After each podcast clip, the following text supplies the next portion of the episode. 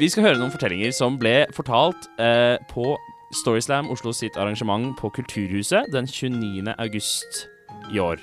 2016, i tilfelle noen lurte. Um, det var uh, den første uh, Storyslammen for sesongen.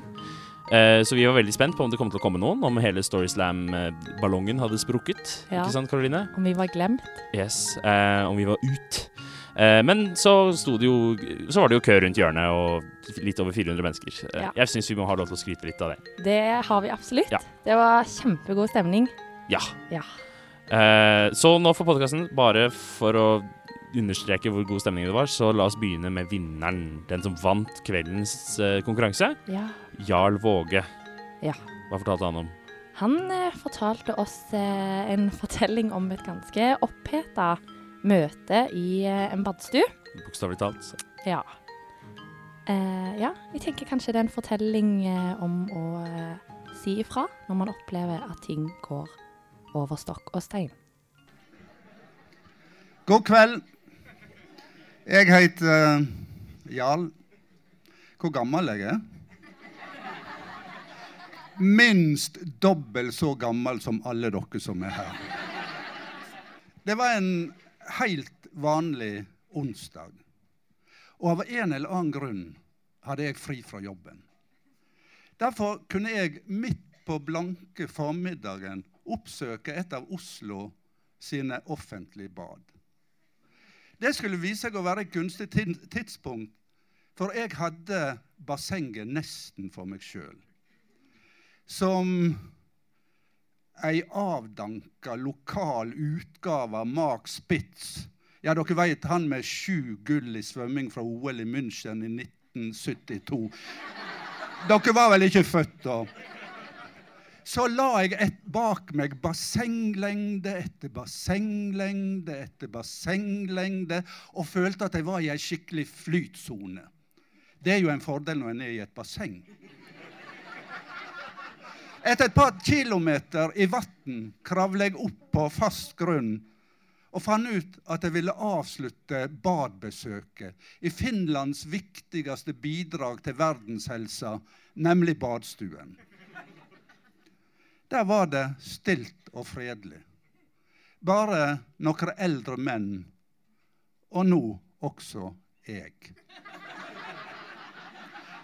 Ja, hvem andre enn eldre menn har tid til slikt en onsdag formiddag? De satt og lå i hyggelig og skrukkete drøs. Jeg la meg på en av benkene og let tankene fare, akkompagnert av de dempa stemmene til mine medbadstuanter, og tenkte at livet er ganske herlig. Men det var inntil en av herrene sa ordet innvandrer. Da braka det løst.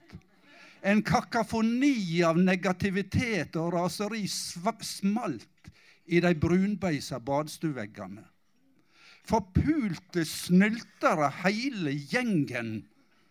De kommer jo hit bare for å ta jobbene våre og damene våre. Og det eneste svartingene er opptatt av, det er å få mest mulig trygd. Men bare vent til Siv Jensen kommer til makta. Hun skal nok få kasta dem på døra fortere enn svint. Som dere skjønner, det var en del år siden det her.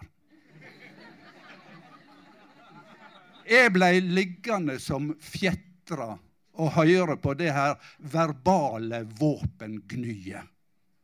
Her var det tydelig at fred ei var det beste. Så farvel avslapping, farvel kontemplasjon. Til slutt orker jeg ikke å høre mer på gnålet deres. Jeg setter meg opp i alt det jeg kunne oppdrive av velde. Og var vel ikke spesielt toppdiplomatisk da jeg med min lærerstrengeste stemme utbrøt. Veit dere hva? Hvis Hitler hører på dere nå, så ligger han i grava og klapper.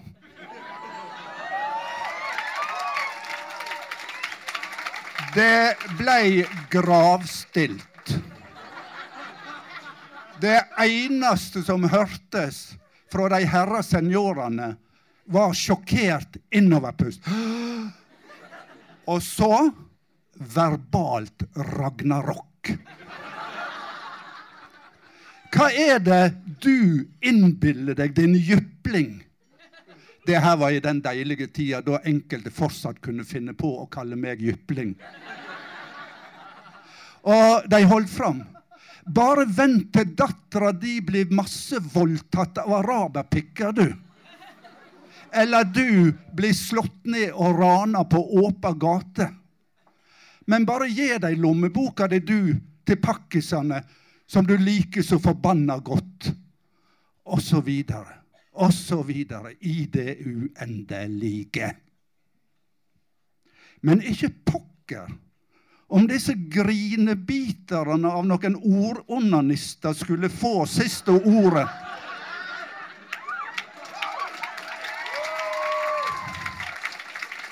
Vi, vi har ikke tid til applaus.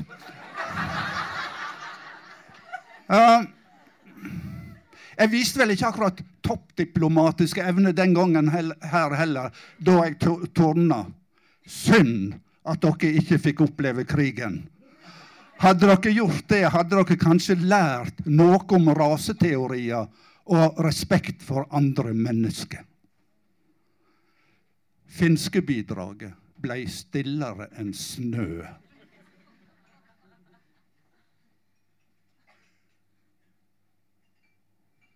Så stilt at jeg tenkte der fikk de endelig passet sitt påskrevet. Men Adam var ikke lenge i paradis den gangen her heller.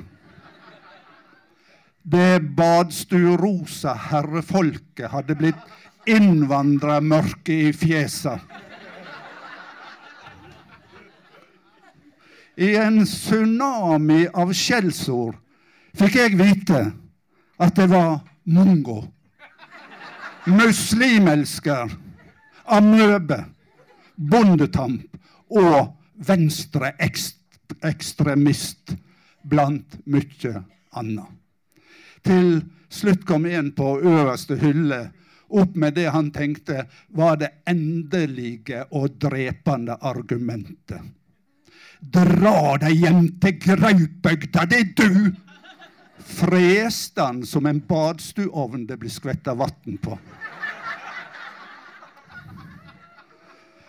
Det var blitt inn i helvete hett i badstuen. Så hett at jeg tenkte det var tryggest å skugge banen.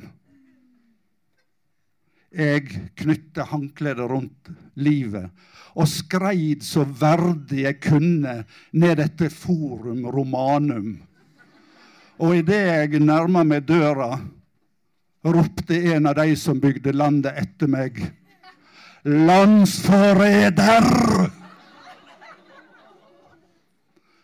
Nå var der egentlig ikke rom for flere ord, så jeg ga dem et vedtegn og prøvde meg med noen sexy hoftevrikk. Om de var det Sexy, mener jeg. Det aner jeg ikke. Men om de nå var sexy, så var de trolig de mest bortkasta sexy hoftevrikka ever. Men én ting er sikkert. Jeg blei stående lenge og kjøle meg ned i dusjen etter det badstuebesøket. Takk for meg.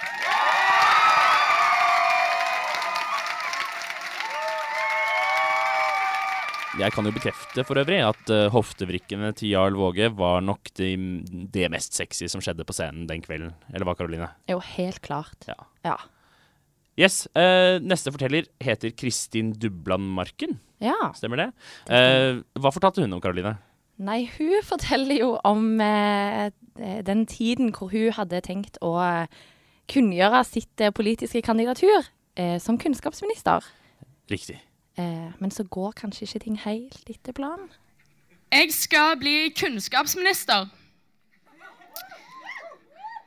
Det er et brev som henger i en ramme. Det er skikkelig fin ramme, og det er et brev på veldig fint papir. Og det henger på en vegg. Og dette er historien om det brevet. Jeg har seks søsken. Jeg vet ikke hvor mange søsken dere har, men jeg kan fortelle meg en gang at når du har seks søsken, så blir det veldig viktig for deg å ha den egen greie. Fordi at hun må dele på liksom leker og klær og spise det samme og reise på de samme feriene. Så det å ha sin egen greie det er faktisk sykt viktig for deg. Så jeg har liksom en bror som ble sånn en idrettsnerd, ei søster som ble sånn kunstnertype. Jeg har en annen søster. Hun ble liksom familiens diva. Katrine, som alltid skulle ha oppmerksomheten. Eh, og jeg sjøl bestemte at jeg skulle bli smartere enn alle de. Så derfor så hadde jeg et atlas som bestevenn, og jeg så på Dagsrevyen og leste avisene og sånne ting. da. Så er det jo gjerne sånn da, Når du vokser opp på 90-tallet, du er kid, og så følger du litt med på det som skjer i verden, så får du et behov for å redde verden. Og Hos meg så meldte det behovet seg for fullt når jeg var 16 år. Og jeg bare Selvfølgelig. Kunnskapsminister. Det er jo det jeg skal bli. Så da la jeg liksom en strategi og begynte liksom å gjøre det jeg måtte for å bli kunnskapsminister. da. Jeg leste mye om politikk, og sånn, og så tok jeg på meg masse verv, ble elevrådsleder. hele den greia. Det eneste jeg egentlig trengte, var en perfekt anledning til å lansere meg sjøl som den politikeren jeg er. Og 13.1.2006 så fikk jeg den muligheten. Hør her. Det var fire måneder etter at Jens Stoltenberg sin andre regjering hadde gått på. Og nå skulle alle statsrådene ut på fylkesturné for å besøke sånne skoler barnehagebedrifter. Smile til kamera og sånne ting. Jens han fikk Rogaland. Det var meg. Skolen han fikk, St. Svithun videregående, det var meg. Og det var bare fire personer som skulle få lov å hilse personlig på Jens. Rektor og elevrådsledelsen, altså meg. Meg og Jens skulle selvfølgelig sammen lansere min politiske karriere. Jeg gleder meg som en unge. Beskjeden om at han skulle komme til skolen, den kom i desember. og Det var da jeg starta planleggingen. Jeg kjøpte en dress. Jeg leste leksikon, aviser, til og med Sporten. Meg og Jens skulle ikke gå tom for samtaletemaer. Det året så gleda ikke jeg meg til jul. i det hele tatt. Jeg gleda meg bare til 13.1.2006, og det tror jeg ingen barn har sagt noen gang. Jeg sto opp den dagen jeg tok på meg en nypressa dress, en nystrøken skjorte. Jeg tok håret i en perfekt hestehale. Noen ganger stikker det ting ut, ikke den dagen. Jeg tok til og med på meg en herlig lipgloss som du i dag ikke ville sett meg i om jeg fikk penger for det. Og jeg dro til skolen to timer før Jens skulle være der for å roe nervene, og selvfølgelig for å ta imot pressen. For det var jo de, seks journalister og fotografer, som sammen med meg skulle lansere mitt kandidatur som kunnskapsminister. Jeg var helt sikker på at dette skulle prege mediebildet i mange uker framover. selvfølgelig. Resten av elevene ble stua inn i gymsalen, mens meg og rektor og de andre folka sto liksom på den røde løperen da, og venta på Jens. Han kom inn døra, meg og han håndhilse Blitsrein. Yes. Meg og Jens vi står og snakker. Vi snakker om løst og fast politikk. Vi snakker om jobben hans, og så endelig snakker vi om den jobben som jeg skal få. Hva skal du bli? spør han. Kunnskapsminister, sier jeg.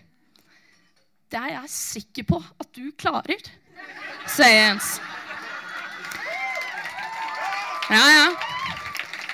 Og jeg ser bort på journalistene. Jeg ser pennene de sine. De bare flyr over papiret. De elsker det! Yes! Jens går inn i gymsalen og taler til elevene. Jeg sitter der på første rad og later som jeg hører på, men egentlig ser jeg bare for meg overskriftene. Jens har troen på Kristin. Møt Kristin, din neste kunnskapsminister. Uh.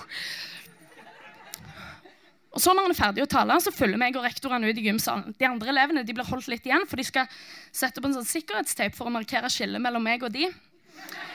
Um, og jeg ser Jens Jeg står liksom ute i skolegården om Jens, og han er i ferd med å liksom ta i dørhåndtaket til bilen og sette seg inn. Og da kjenner jeg en følelse inni meg som jeg ikke har hatt siden advent, nemlig ro.